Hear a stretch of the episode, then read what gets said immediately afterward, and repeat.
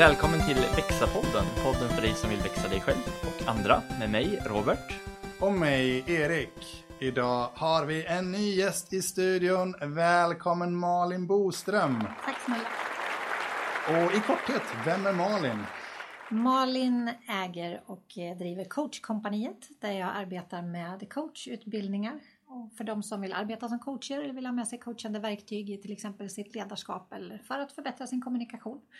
Och jag coachar också mycket och stöttar individer i deras utveckling. Så poddens första fråga. Ja. Hur gör du för att växa dig själv? Ja, jag tänker att mitt bästa sätt för att växa mig själv är möten med andra människor. Jag har ju förmånen att träffa väldigt många i mina eh, coachsamtal som jag har med andra. Och jag brukar vässa öronen ordentligt och lyssna mycket på det som sägs i samtalen. Därför att jag upplever att jag kan lära mig så otroligt mycket på andra människors resonemang kring saker. Att faktiskt gå in med en, en nyfikenhet i varje samtal eller i varje möte med människor. Och lyssna och ta in deras resonemang och reflektioner och se hur jag kan applicera kloka tankar ifrån andra på mig själv. Jag misstänker att vi kommer återkomma till just coachningen senare också, men eh, innan du blev coach, hur gjorde du då? Ja, men då var jag nog mer traditionalist tänkte jag säga. Jag gick mycket kurser, jag läste mycket böcker, jag lyssnade på mycket poddar och de sakerna gör jag ju fortfarande. Sen tror jag att det här mötet med människor alltid har hjälpt mig att växa. Jag har alltid varit nyfiken på människor och varit inspirerad av att lyssna på människors resa och människors historier och sådär. Så de bitarna tror jag alltid har hjälpt mig till växande Mm. också.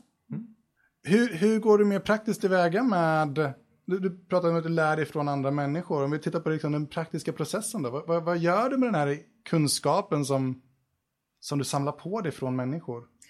Ja, men det handlar ju om att försöka integrera den, tänker jag. Att, att reflektera över vad skulle det här betyda i mitt liv. Och jag tror att framförallt det som, som jag får med mig i alla samtal jag har med människor, oavsett om det handlar om coachsamtal eller utanför, så, så försöker jag att lyssna in och, och utmana mina egna tankemönster.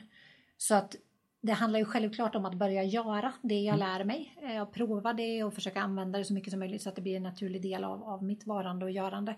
Men jag tänker också att det handlar för mig mycket om det som händer mentalt i mitt huvud. Hur, vilken inställning har jag? Hur ser jag på saker och ting? Och att växa mycket genom att utmana sig själv i sina egna övertygelser eller förväntningar eller fakta som man tänker att man sitter på och sanningar.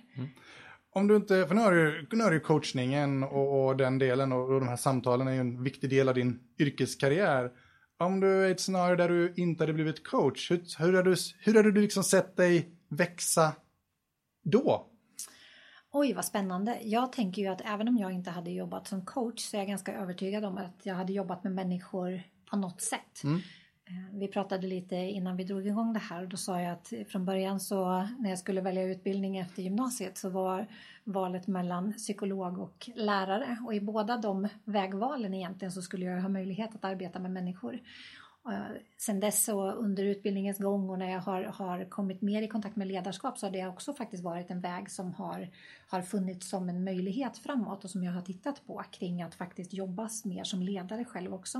Men jag tror att jag hade alltid valt en, ett yrke där jag på något sätt hade haft möjligheten att jobba med människor och människors utveckling. Jag tror att det på något sätt ligger som en, en grundpassion i mig som jag hade haft svårt att ducka för. Så jag tror att jag hade hamnat i det. Och, och jag tänker att möten med människor det får man ju oavsett om de är på jobbet eller utanför också. Och den har funnits en alltid, alltid eller något som du har upptäckt på vägen? Alltså som ung var jag ju väldigt, väldigt blyg. Ja. Tyckte att det var otroligt läskigt att synas och höras. Så jag tror att jag utvecklade en förmåga att lyssna väldigt mycket och studera människor och blev nyfiken på människor redan då. Och sen har jag, som ung var jag hästtjej och hade egen häst och, och höll på mycket med ridning och där, där blev på något sätt den här kommunikationen mellan häst och människa men där man faktiskt inte kan använda ord blev också viktigt och det har, tror jag har stärkt mig i, i min förmåga att kommunicera och att fånga upp signaler och sådana saker. Att det finns en lyhördhet som jag fick med mig ifrån det som jag har haft nytta av i möten med människor. Det här kanske låter konstigt men, men jag, jag, jag tänker att det också på något sätt har hjälpt mig att att vara närvarande i sammanhang där jag befunnit mig i, i möten jag haft med människor, i samtal, mm. vilket har gjort att jag har fångat upp saker. Och det är ihop med någon nyfikenhet som jag tror alltid har funnits. Mm. Eh, så, så, tror jag att det här har, har vuxit fram. Eh, du träffar ju uppenbarligen många människor i, i ditt yrke. Så vad är en stor lärdom som du har tagit med dig senaste året kan vi säga då? Eh. Ja, men en av de viktigaste lärdomarna kan väl egentligen sammanfattas med titeln i en bok som jag tycker otroligt mycket om som är skriven av en man som heter Björn Natthiko Lindeblad. Mm. Han har skrivit en bok som heter Jag kan ha fel. Mm. Och jag tänker att kan vi gå med den inställningen genom livet så kommer vi att lära oss otroligt mycket och växa så otroligt mycket i möten med andra och i alla sammanhang vi hamnar i och av alla utmaningar och upplevelser vi har. Mm. Så att en lärdom för mig, jag har svårt att säga att så här, Åh, men den här personen gav mig precis den här tanken men jag ju längre jag jobbar med det här desto större gråskala ser jag. Att mm. Jag inser att det finns väldigt få saker som är svart eller vitt utan jag blir väldigt nyfiken istället på vad finns däremellan och hur kan man också se på det här och hur kan man göra istället och hur kan man tänka kring det här? Vad är ett annat sätt att approacha saker på? Mm. Sådär. Mm. Det är en viktig insikt överlag tycker jag någonstans det här med, med, med gråskalet. Det finns så många sätt som kan vara rätt. För det är för många tror jag som, som letar efter rätt sätt istället för sitt sätt någonstans. För att citera en egen nationalikon. Vad är en viktig lärdom kring lärande och utvecklande för dig just från din eget lärande? Jag tror att en av de sakerna som jag verkligen har fångat upp i det är att titta på vart vill man växa mm. Eh, och utvecklas. Mm. Jag, jag, tänker att jag precis som, som jag tror att många andra gör traditionellt har sett det som att jag ska titta på mina svagheter och mina utmaningar och se hur kan jag växa där. Mm. Men jag har insett att, att genom att titta på vilka är mina styrkor istället och se mm. hur kan jag växa dem så kan jag både ta mig längre och mm. faktiskt ha mycket roligare på vägen. Den är, den är jätteintressant. Hur, hur gör man det? För att jag, jag håller ju med dig till 100 procent. Hur gör man det? Jag tänker dels att vara nyfiken på sig själv. Jag ja. brukar säga att de styrkor vi har kan vi hitta genom att börja titta på vad tycker man är roligt mm. och vad känns som att det går lätt för en att göra. Mm. Många gånger så kan man, kan man hitta nycklar där till vad, vilka är mina styrkor. Men sen tänker jag att återkoppling är en jättebra nyckel till att få tag i sina egna styrkor också. Mm. Att om jag har svårt att se det hos mig själv, att be andra att faktiskt återkoppla. Mm. Vad ser du som mina tre främsta styrkor och hur märks de? Jag tycker det är en jätteviktig grej, för jag, jag håller med dig just det här att jobba med styrkor. Jag, jag har gjort en medveten insats genom hela livet att sätta mig själv i sammanhang där mina styrkor är uppskattade så att jag inte måste vara så drabbad av mina svagheter. Men det är ju lite av en konst som man, som man lär sig med erfarenhet. Har du hur kom, du, hur, hur, liksom, hur kom du in på den insikten att du ville slipa på dina styrkor snarare än släta ut sina svagheter? För jag tycker det är ofta där man börjar någonstans, för det är så vi oftast uppfostras tyvärr. Ja, verkligen. Jag, jag kom i kontakt med det som heter styrkebaserad utveckling, ja. som ju är en, ett sätt att arbeta både med individer och organisationer idag. Och mm. någonstans så klingade det så sant i mig att mm ja men vad fint att vi inte behöver fokusera på, på det där som kan ge ganska dåligt självförtroende mm. i att titta på vad är det jag inte lyckas med och vad är det jag inte tycker att jag är bra på. Och istället faktiskt få rikta ficklampan mot ja, men vad är det jag har som är fantastiskt med mig? Och hur kan jag se till att använda det mer så att det också kommer världen till gagn lite mer? För vi har ju styrkor allihop. Mm. Och om man kan hitta sätt att på något sätt få tag i dem och skapa förutsättningar för att använda dem i större utsträckning så kommer vi att få fantastiska resultat. Och jag tror att människor kommer både må och fungera så mycket bättre och ha kul i det. Det tror jag med. Jag tror vi har dödat många människors passion och, och potential genom att säga nej men du borde hålla på med det här som du inte är så bra på. Sluta spendera all tid på det du är jätteduktig på. Det, det är en fascinerande, märklig sak som liksom lite grann har, finns inbyggd tycker jag i samhällstänk idag. Ja, verkligen. Jag tycker också att vi har ett lite bakvänt sätt att se på saker och jag kan tycka det när jag möter organisationer också. Mm. Att man lägger så mycket tid på att till exempel efter ett projektavslut analysera vad gick fel och hur mm. ska vi hantera det mhm. framåt. Mm. Men man glömmer bort att ställa sig frågan med vad gick rätt och varför gick det rätt? Hur kommer det sig att vi lyckades leverera i tid och hålla budget och lyckas samarbeta? Mm. Och genom att börja ställa sig de frågorna kring när funkar vi som bäst? När, när skapar vi bästa möjliga resultat? När får vi bästa möjliga relationer på arbetsplatsen eller privat? Så tänker jag att där kan man hitta nycklar som man kan bygga vidare på och få det här att hända ännu oftare mm. och skapa ännu bättre resultat. Mm.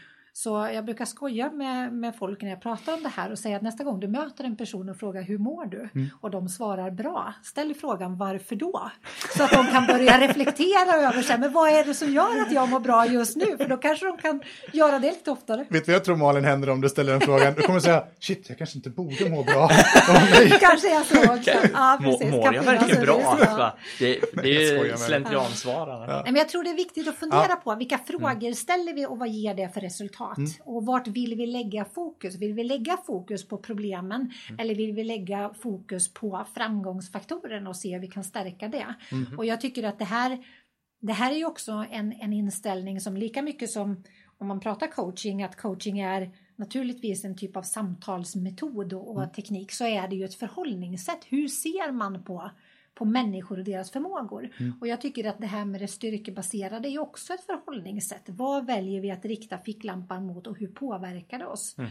Jag hade en situation med, med en av mina döttrar när jag hämtade henne från förskolan på eftermiddagarna så ställde jag alltid frågan Hej älskling, hur har du haft det idag? Mm. Och hennes svar var Ja, den där personen var dum mot mig och jag ramlade och slog mig och den där maten mm. var ingen god och jag fick inte vara med och leka. Och det kom bara massa problem och negativa saker. Mm. Och jag visste ju med mig att den här förskolan var bra. Min äldre dotter hade gått där, det var ett föräldrakooperativ där vi har varit med och jobbat. Det är en bra förskola, vad handlar det här om? Mm. Så att jag började tänka, kan det handla om hur jag ställer min fråga? Mm. Så jag valde att testa, var nyfiken och testa. Så jag började ställa frågan, hej älskling, vad har varit bra idag? Mm. Och första gången tog det lite tid. Men sen kom det, ja men jag lekte med den här kompisen, det var ju jättekul. Mm. Och för varje dag när jag ställde den här frågan, vad har varit bra idag? Så kunde hon ju lättare och lättare hitta svar och det kom längre och längre svar. Och det som blev effekten var ju att jag dessutom fick en dotter som var gladare både hemma och som med mycket lättare steg gick mm. till förskolan på morgonen också. Just den frågan är ju någonting som jag tar med mig från mycket, jag har läst mycket föräldraböcker nu på sista tiden eftersom jag har en snart tvåårig dotter så och just den frågan är någonting som jag kommer ta med mig när hon blir tillräckligt gammal för att faktiskt svara på den frågan ja. och förstå den typen av fråga.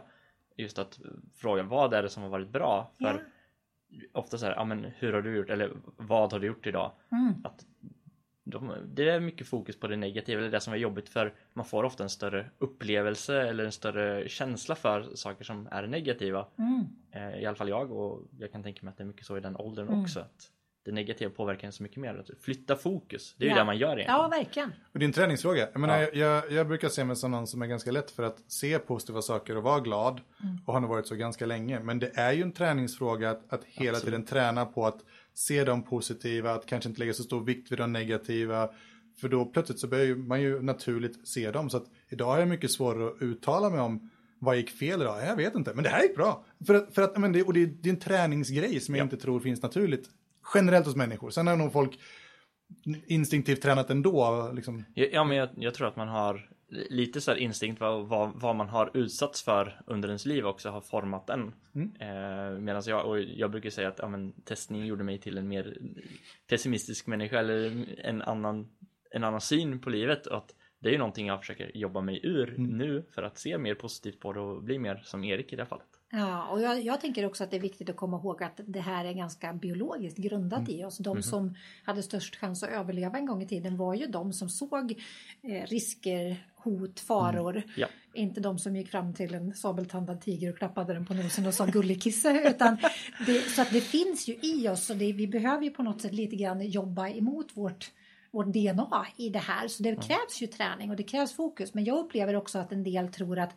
ja, men om jag bara ska fokusera på det positiva så blir jag på något sätt någon lallande idiot Mm. som inte ser problemen. Men det är ju inte det det handlar om. Det handlar ju om vart ska vi lägga tyngdpunkten. Ja. Det kan ju vara så att jag har svagheter eller utmaningar som jag behöver hantera därför att de blir reella hinder. Men det kanske räcker med att jag tar tag i dem då. Att jag inte bara lägger all min kraft och energi där utan att jag ändå lägger den största delen av mitt fokus på att försöka växa där jag har möjligheter att bli fantastisk. Du har kommit tillbaka till nyfikenhet några gånger. Mm. Hur gör du dig själv nyfiken? Oj, vilken bra fråga. Jag vet knappt om jag kan svara på det. Hur gör jag mig själv nyfiken? Jag tänker att det har vuxit fram genom att jag har blivit så positivt överraskad av att vara nyfiken gång på gång på gång. Så att jag någonstans har lärt mig att förstå hur mycket jag skulle gå miste om om jag gick in med en färdig föreställning om hur saker och ting ska vara eller hur människor är. Eh, Och jag tror att det är det som har skapat det. Jag, jag tror att jag har svårt att lägga bort nyfikenheten idag därför att jag har sett hur otroligt mycket den har hjälpt mig. Jag brukar ibland se det som att alla människor är nyfikna. Sen finns det vissa blockers som gör att det inte, att det inte kommer fram. Man är för självcentrerad eller man är för försiktig eller man är för någonting. Och det handlar liksom om att ta bort de där blockerserna. För, för naturligt så är vi människor, tittar man på ett barn som är supernyfikna. Så att Det är någonting vi sen bygger upp hinder för som vi blir äldre. Och vi som föräldrar sätter hinder för också. Peta inte i eluttaget för att se vad som händer. Och det är kanske är bra ibland. Jag menar, det, Ibland kan det vara bra. det finns ett skäl till varför jag inte har lik, överlevt lika länge i grottan som du hade gjort Robert. Ja, Så, så är det nog. Nej, men så är det ju och jag tänker också att, att det här med, eh, med nyfikenhet som du säger att det kan dyka upp hinder. Det är klart att när man själv är kanske i en väldigt stressig situation då är det svårare att stanna upp och verkligen tillåta sig att vara nyfiken och hinna lyssna klart och så vidare. Och jag upplever ju också att människor till exempel som jag utbildar inom coaching när de blir för mycket i en känsla av att vilja prestera i den rollen då tappar man en del av lyssnandet och nyfikenheten. Mhm, Håller med. Och, och för min del så handlar det ju om att man ja, men visar sig sårbar på ett sätt. Liksom att man, man vill prestera för man vill visa sig duktig både för sig själv och, och för andra. Men, och, och framförallt om man går en utbildning, då är man ju inte där än. Och där måste man ju liksom våga göra fel och våga lära sig av att det blev fel. Ja, verkligen. Jag brukar påminna om det, att det gäller att våga vara nybörjare och tillåta sig själv att köra ner i alla diken man kan hitta för att man lär sig så otroligt mycket av det. Det finns ju en sån där klassisk akronym av FAIL som First Attempt in Learning och jag Ah, gillar den inställningen till det. Att faktiskt inte inte se det som att man kan misslyckas utan att försöka att åtminstone se det även om det kanske prat- pratas om det nästan som en klyscha idag men att, att faktiskt försöka se vad kan jag ta med mig av det här och att inte se saker som att jag inte kan utan jag har inte lärt mig än. När jag gick min coachkurs, en av de första sakerna de sa, för då körde vi de här klassiska samtalsguiderna eh, och, och som någon som har på med coachning lite grann innan så, så vill man nästan instinktivt säga, ah, men jag kan det här, det är lugnt. Och det blir ju stolpigt och då så säger coachledaren, när ni läser det här så kommer det att vara stolpigt och det är för att det är svårt och för att ni utmanar liksom det andra. Om det inte är stolpigt, då är ni nog inte här för att lära er någonting. Så var jag så här, okej då, jag ska nog följa den här grejen, jag ska nog inte instinktivt göra mitt gamla för att där är jag redan bekväm. Så den har verkligen följt med mig, så stort tack. Och, och det är ju en av de svåra sakerna skulle jag säga om man kan, kan någonting eller tror sig kunna någonting att lära sig samma sak Ja, fast på ett annat sätt. Att verkligen. liksom våga lägga bort där man, där man kan. Och samtidigt kan det bli så otroligt spännande resa. Absolut. Mm. Så då går vi vidare till nästa fråga. Hur gör du för att växa andra? Mm. Jag tycker det är en så himla spännande fråga för jag känner inte att jag gör det egentligen. Jag känner att alla människor växer ju bara sig själva. Mm. Men sen handlar det naturligtvis om att, att jag förhoppningsvis kan bidra på något sätt med att skapa förutsättningar för det. Och jag tänker att jag gör det på olika sätt. Dels genom coachingen, vilket är en så självklar väg för mig i att kunna stötta andra i, i att växa. Och att jag ser i att de samtalen där de verkligen får ett tryggt rum där de har möjlighet att, att reflektera och fokusera på sig själva och sina tankar.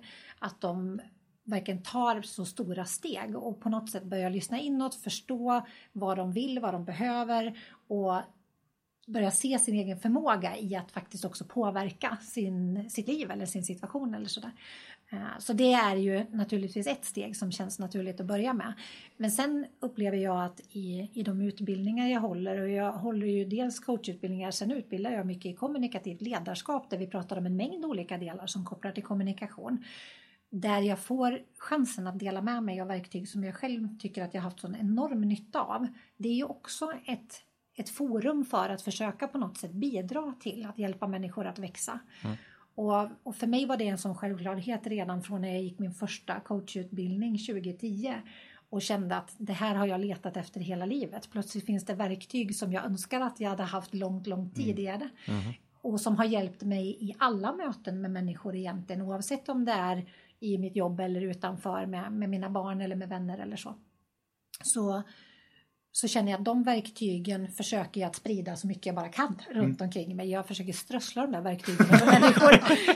jag tänkte säga nästan oavsett om de ber om dem eller inte. Nej, så illa är det inte. Men, men jag märker att det gör skillnad mm. för människor att de, att de känner att de kan ta till sig dem att de kan verkligen ha stor nytta av dem och att det hjälper dem att växa. Om det kom in en person i vår studie här just nu och sa Men Malin, på, på 30 sekunder minut, kan du inte ge mig några verktyg som du tycker är bra på coachning? Vad, vad har ditt svar varit? Alltså det intressanta är nog att det första jag skulle be personen att träna på, det är att lyssna. Ja. Därför att jag tycker att när vi pratar kommunikation så pratar vi så mycket om det som ska komma ut ur munnen. Mm. Men jag upplever att den viktigaste grunden till kommunikation det är att kunna bygga ett förtroende tillsammans med människor och att också kunna lyssna och visa att jag lyssnar på riktigt. Mm. Därför att utan de sakerna kommer vi aldrig att kunna få till varken en, ett vanligt samtal eller ett coachande samtal. Så jag hade nog egentligen börjat där. Hur gör man det?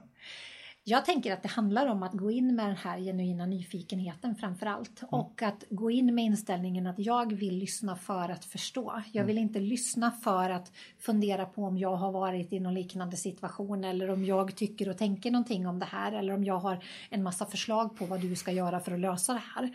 Utan att verkligen bara gå in för att förstå. Hur tänker du? Vad menar du? Vad betyder det här för dig?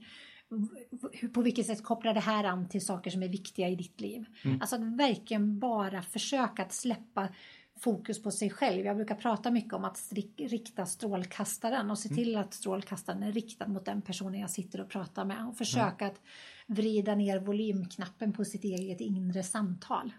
Och hur funkar det i ett samtal när båda gör så? Kommer man sitta tysta och titta på varandra då? Ja precis, då blir det inget prat överhuvudtaget. för, för Malin har inte sagt någonting i den här poddstudion överhuvudtaget nej, nej, men som det, är proffs på detta. Nej men hon är, ju här, hon är här för att prata ändå. Men jag, jag tänker liksom ja. om, om jag skulle ha inställningen att ja, men nu ska jag lyssna på dig och du är inställd att du ska lyssna på mig, vad, vad tror du händer då?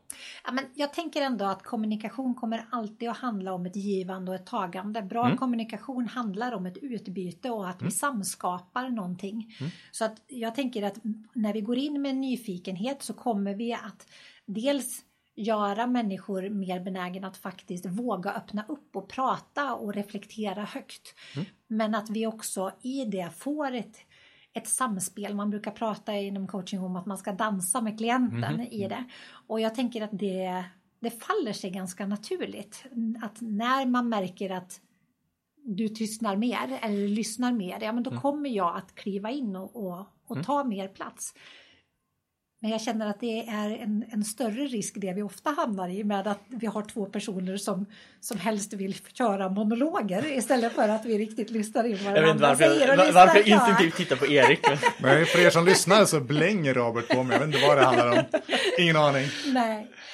Jag har aldrig hört honom säga det förut. Nej, aldrig. Nej. Eh, jag, jag, jag, tycker du säger en viktig sak just det här med, med fokuset. För mig, en av de tillfällen det verkligen klickat till coachningsutbildningen för mig det var när jag första gången satt i ett samtal och kände att, för, för första gången så här, du, du, ska ha ett samtal, du ska inte tänka de här tankarna, men hur ska jag då kunna komma upp med en fråga? Hur ska jag då kunna ha en dialog med någon? Klart jag måste processa allt som sägs. Men så kom jag in i det första samtalet när jag satt och verkligen försökte släppa alla de egna analyserna som sa så här, shit vad lätt det var att höra allting. Jag har en fråga direkt, för min hjärna är inte upptagen med att processa mitt eget chatter, utan så för mig var det, jag, jag, jag fattade inte hur kraftfullt det var. Jag var så orolig för att inte komma på vad jag skulle säga. Och det är precis motsatsen som händer. Det är jättelätt att komma på en fråga när man får bort det inre chattret. Ja, verkligen. Och det är klart att när du får bort det inre chattret, det är ju först då du lyssnar på riktigt. Precis. Och när man lyssnar på, viktigt, eller på riktigt, då kommer det att dyka upp saker kring så här, men det här känner jag mig nyfiken på. Eller det här känner jag att vi inte har pratat om än. Det kommer att komma så naturligt, precis som du säger, så man behöver aldrig egentligen oroa sig för vilken fråga ska jag ställa härnäst. Utan om man bara kan ta med sig det in i vilket samtal som helst, att jag är här för att lyssna på riktigt på dig. Då kommer de frågor jag så småningom behöver ställa oavsett om jag jobbar som coach eller om jag jobbar som ledare att komma upp. En eh, fråga jag har. Jag hör ganska ofta, jag menar, jag jobbar en hel del med ingenjörer som är väldigt rationella. Och det är det där, ja, men om jag ska bli bättre på någonting, då är det klart jag vill ha den här personen som redan kan det och så kan berätta för mig exakt hur man gör X, Y, Z. Någon professor någonting. Jag, vad, det, här hokus pokus grejen med på och, och uh, någon ska ställa frågor till mig och ska lära mig någonting. Det är ju det är bara hokus pokus. Vad, vad, är, vad, är, vad är liksom din lilla hisspitch till en sån person? Ja, den borde jag kanske ha tränat på innan det här känner jag Förlåt att du fick den på uppstuds. Nej, det är ingen fara. Men, men jag tänker, ibland jämför jag det med en PT, att Mm. gå till en PT, för det finns de som säger samma sak till mig. Okej, men om du, om du säger att jag sitter på alla svaren, vad ska jag med dig till? Och jag tänker att det finns två delar i det. Dels att genom att faktiskt boka ett samtal med någon, då har jag avsatt tid, vilket jag kanske aldrig egentligen gör därför att livet och jobblivet springer så fort. Så att jag avsätter tid för att faktiskt jobba med mig själv, mina tankar och min egen utveckling. Men sen handlar det om att det är lätt att fastna i tankelopar. Mm. Vilket gör att man kan behöva någon som ställer en fråga som kommer in från höger. Som gör att jag faktiskt, åh okej, jag kan titta på det ur det perspektivet. Och det kan göra att jag fångar nya tankar. För skulle jag gå till en PT, ja de är ju självklart experter. Men nog 17 finns det saker som jag kan förstå utifrån hur jag borde äta och hur jag borde röra på mig. Som skulle kunna ta mig en bra bit på egen hand. Så jag skulle säga, det är klart att vi behöver experthjälp ibland. Men jag tror också att många tror sig behöva mer råd utifrån än vad man egentligen behöver. Jag tror att många har inte, har inte insett hur mycket klokskap man sitter på själv. Och en del har ett dåligt självförtroende som gör att även om det poppar upp tankar och svar så vågar man inte riktigt luta sig mot dem och lyssna på dem utan man vänder sig i alla fall till någon annan för att få råd. Det är dessutom jättebekvämt att någon annan berättar hur man ska göra. Och jag såg någon liten sån här stereostrip någon gång där det stod så här, men varför frågar du mig om råd? Why are you asking me what to do? Eh, och så säger den här personen because I want someone to blame when it goes wrong. och det, så kan det ibland vara också att det är ju det är både en styrka och en utmaning tycker jag när jag möter människor och de förstår hur mycket de kan påverka. Därför att å ena sidan blir det en enorm frihet i att inse att jag kan faktiskt göra enormt mycket om det finns saker jag på något sätt vill utveckla eller, eller förändra. Men det är klart att, att ansvaret ligger ju också i mitt knä. Då. Det är jag som behöver göra det. Jag kan inte längre tycka att alla andra ska förändras utan jag behöver också ta tag i det som jag kan påverka och det göra det. Skapar en väldigt stark commit. Verkligen. Och Jag, jag tror att det kan vara en ganska läskig insikt för många att så här, ja men det, det är på mig. Det ligger på mig att förändra mig själv. Det är inte någon annan som kommer berätta för mig hur, hur jag ska bli.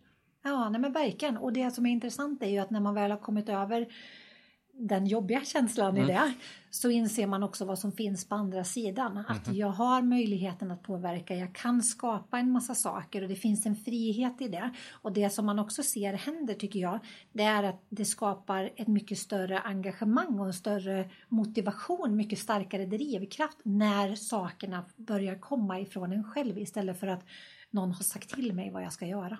Jag håller med dig och jag, jag tycker just för att backa tillbaka till det här med, med lite magi-kommentaren som får nästan är liksom, ja, men, det- kommentaren att det funkar på allt, coaching är så himla viktigt för alla. Uh, uh, uh.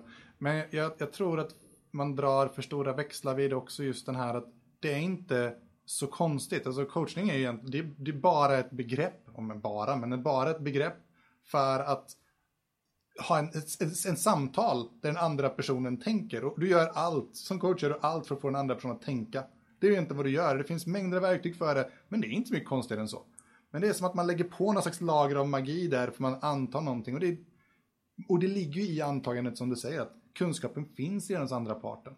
Så att den ska, den ska bara, med stora situationstecken här, eller citationstecken, men, men den ska bara trollas fram ur huvudet på en. Mm. Ja, men och jag tror också att det är viktigt att, att förstå att coaching, det är inte så att man kommer att lämna någon hängande. Nej. Utan att det handlar också om att titta på åtminstone att börja i änden. Mm. Hur långt kan du komma på egen hand i dina tankar innan jag som till exempel chef kliver in och säger gör så här. Mm. Därför att det kommer att skapa en delaktighet och ett engagemang om jag åtminstone börjar med att bara ställa den enkla frågan. Vad har du själv för tankar kring hur du skulle kunna lösa det här? Ja, Eller hur du precis. skulle kunna komma dit. Och jag kan också tycka att coaching ibland har fått någon väldigt fluffig stämpel. Mm. Det gick en tv-serie för många år sedan. Jag tittade på ett avsnitt och tänkte nu kommer jag aldrig mer att kunna sätta begreppet coach med mitt visitkort. Därför att där målade man tavlor och i princip sjöng Kumbaya och tände rökelse. Och jag tänkte det är ganska långt ifrån vad jag gör.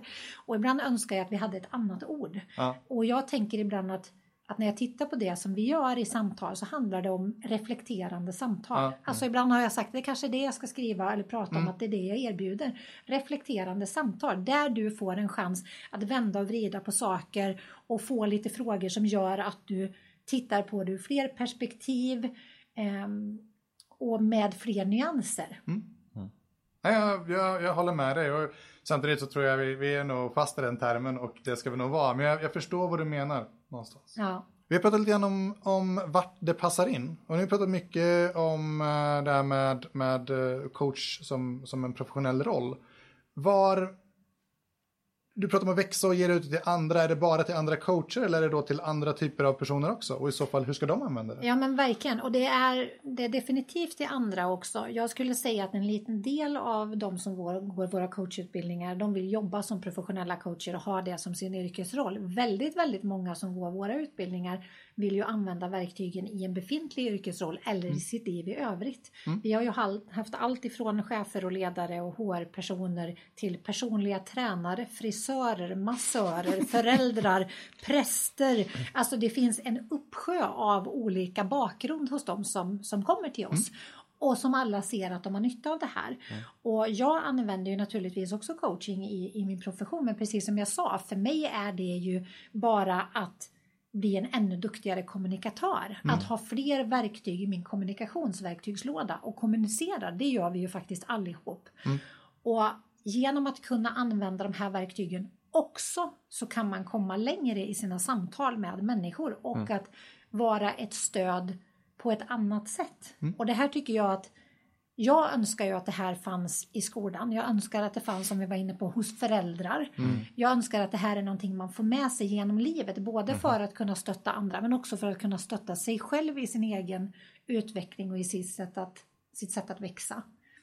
Jag tyckte du började med hela det här segmentet med en fantastiskt bra lärdom. Om vi backar riktigt långt i att när, jag kan inte växa andra människor sa du, men jag kan försöka med på deras resa. Och jag, jag tycker det, där sätter man egentligen ordet på, alla har den här resan som pågår. Och om då coachning är ett verktyg för att hjälpa folk på den resan och du kan inte tvinga dem någonstans, då är det uppenbarligen ett användbart verktyg oavsett vad du är.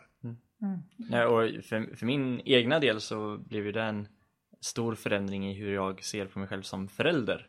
Att det gav mig jättemycket. Så du säger, ja men skolan och föräldrakurser skulle vara jättebra om de fick den här typen av verktyg. Kanske till och med riktade mot föräldrar. För jag har läst mängder med böcker om föräldraskap. Och det är lite så här, ja men vad har gått bra idag? Är en, en nyckelfråga som jag tar med mig från, från alla dem egentligen. Vi kan slänga resten, får säga. Men, Ja. men just det här att som förälder så är det ju superviktigt för att ge ens barn en, ett bra, en bra start i livet och bra förutsättningar att få ut så mycket av sig själva som möjligt. Ja, verkligen. Jag, jag tänker det också eh, för att komma tillbaka till det vi pratade om det med den här styrkebaserade utvecklingen också. Att hjälpa barnen att, att se vad kan jag, vilka är mina förmågor och hur kan jag bli en fantastisk person med det jag har. Och hur kan jag tillåta andra att vara fantastiska personer med det de har även om vi är olika. Jag tänker att med, med verktyg som finns inom coaching och mental träning och styrkebaserad utveckling så, så kan man få ja, i min värld så kan man skapa en värld där faktiskt barn och ungdomar skulle må mycket bättre. Mm. Så jag tror också på det där. Jag, jag, har ju en gen i mig som, som brinner kanske lite extra mycket för det här med barn och ungdomar också. Tycker att det är fantastiskt viktigt. Mm. Mm. Och det var en insikt för många när jag själv gick coachutbildning. Eh, så, så var det ju, visst man lärde sig verktyg om coachning, men man märkte hur mycket man växte själv för att man blev coachad. Och då började man bli så här, okej, okay, det här är lite vardagsexempel ofta, och, och, eller professionella exempel, men, men sånt man sätter på hela tiden. Och bara att under de här dagarna få aktivt stöd har fått mig att gå ljusår framåt jämfört med tidigare mm. i många av de här frågorna. Vad, vad, skulle det innebära att ha det här stödet i vardagen? Mm. Uh, jag min fru drabbas ju av det stup i kvarten, stackarn. Och mina barn drabbas av det. Men jag märker att det gör ju att man kan komma åt saker som är så himla svåra att komma åt. Ja. Folk vill oftast inte ha råd för de vet redan vad man ska ja. göra. De vill ha hjälp att få sig själv att förstå hur de faktiskt gör dem. Ja, men verkligen. Och att ibland så fastnar man ju i att jag tänker att det här går inte för att jag ser att den här vägen som jag har tänkt på funkar inte. Nej. Och då kan det vara nyttigt att få någon som hjälper en att se ja, men vad mer kan det finnas för möjliga vägar som kan ta dig vidare i det här. Mm. Så det handlar ju, jag tycker att coaching handlar mycket om att att bara hjälpa människor dels att sortera i tankar som kan snurra i huvudet. Mm. Dels att utmana människor i att faktiskt tänka klart istället för att när någonting känns jobbigt att tänka på mm. då bara skjuter jag det åt sidan och så plockar jag fram mobilen eller sysselsätter mm. mig med någonting mm. annat. Och att man kan se att visst, du kan ju naturligtvis få få en enorm utveckling på egen hand också. Mm. Men det märks att det går snabbare när mm. man har någon som ett stöd på vägen som också hjälper dig att sätta ord på att gå ifrån tanke till handling i det och att, att komma vidare i det. Och jag tycker jag använder ju det här också jättemycket med mina barn istället för att ta över deras problem och försöka lösa det som förälder. För det tycker jag är kanske den situationen där jag har svårast att stanna i ett coachande mm. förhållningssätt när mina barn mår dåligt. Mm. Men jag inser ju också att jag behöver ju hjälpa dem att bygga förmågan mm. att fatta egna beslut, att lyssna på sig själva, hitta sin egen vilja, sina egna värderingar. Och det kan jag aldrig göra genom att hela tiden servera dem mina svar, för de kommer alltid vara grundade i min personlighet och mina mm. värderingar och min livssituation. Så jag, jag tycker att det där, det är en sån gåva att kunna på något sätt ge människor förståelsen för hur mycket man faktiskt klarar på egen hand, att mm. bygga någon form, form av empowerment. Mm. För någonstans så, hur mycket vi i all välmening vill ge råd, så någonstans i det så finns det en risk att vi signalerar, jag tror inte att du kan lösa det här på mm. egen hand, så därför tänker jag lösa det åt dig. Mm. Och vi har alla varit i situationer när någon har berättat för en, här är lösningen, så genomför den. Och ens engagemang är så här, absolut. Mm. För man, man, direkt att man inte tror på den till 100% så börjar man tappa det lilla kornet av osäkerhet. Och då har inte den här jag, jag behöver visa världen att det här är en bra lösning för jag kom på det. där. Det är nästan så att du, om du inte gillar personen extremt mycket så här, men det gör väl inget om den här brinner liksom någonstans. För mm. jag vill ju egentligen någonting annat och jag vill ju inte visa att den här lösningen som jag inte ens föredrog ska fungera. Det är märkliga psykologiska saker som händer i oss och det är inte av illvilja utan det där händer ju liksom någonstans yeah. bara i vår egen osäkerhet. Hela tiden skulle jag säga. Ja men verkligen och bara för att kort återkoppla till det du sa Erik med den här resan man gör själv under en coachutbildning. Mm. Det är många som har, har sagt det också att ja, det här gav mig alla verktyg jag behöver för att kunna vara en professionell coach. Men den största bonusen är den enorma personliga utvecklingsresa jag har gjort själv under den här tiden. Mm. Och jag upplever också att jag möter många som efter en sån här utbildning säger det känns som att en sten har lättat från mina axlar för det behöver inte vara jag och upp till mig att leverera allas lösningar och lösa allas problem. Jag kan stötta och vara en minst lika stor hjälp fast på ett helt annat sätt. Mm. Så avslutningsvis så skulle vi vilja höra dina två bästa tips för att växa sig själv. Mm. Då skulle jag säga att det första tipset handlar om det här, vad fokuserar du på att växa? Mm. Att faktiskt släppa den gamla övertygelsen om att du behöver ha koll på dina svagheter och jobba med dem och istället fokusera på vilka är dina styrkor och hur kan du förstärka dem? Hur kan du skapa förutsättningar för att använda dem ännu mer? Så att lägga fokus på det. Och mitt andra tips skulle faktiskt vara ta hjälp eller avsätt tid själv. Men oftast så är det lätt att även om jag har avsatt tid i kalendern så kommer någon och vill boka in ett möte och så tullar man på det där. Så jag skulle ändå säga ta hjälp. Det kommer att vara en sån enorm resa. Du kommer alltid att ha igen det och då vet du att den där tiden är lite helig. Ett tips från min sida där är ju att just ICF-utbildningar, de, eh, de som då går de utbildningarna, de behöver ju övningsklienter. Mm. Där finns det en grymt sätt att få känna på det utan att betala massa pengar och så vidare. Men för, för att få känna och dessutom få hjälpa en annan person, för du hjälper ju den som, som går utbildningen. Ja, verkligen. Toppen bra tips. Så och det kan vi säga, du ska få lite gratisreklam här, för att för mig så har diplomerad coach enligt ICF varit en fruktansvärt viktig plattform för mig som ledare, som lärare, som förälder, som person, kompis. Så att eh, jag rekommenderar otroligt varmt den typen, den utbildningen hos en bra utbildningsgivare givetvis. Mm. Ja men verkligen och jag håller med och jag, jag kan ju naturligtvis sitta och prata egen sak utifrån att vi erbjuder det men vi har många jätteduktiga kollegor som gör samma saker runt om i Sverige. Så det man kan veta är att om man väljer en utbildning som är akkrediterad, mm. alltså kvalitetssäkrad och godkänd av ICF som är den största internationella branschorganisationen. Om man väljer en sån utbildning så kommer man att få en utbildning som man är nöjd med. Mm. Sen handlar det mer om, om tycke och smak egentligen. Precis, för skiljer lite grann. Med det, hur kommer ni i kontakt med Malin? Det enklaste sättet är antingen att connecta med mig på LinkedIn eller att gå in på vår hemsida coachkompaniet.se och läsa om vad vi gör där. Mm.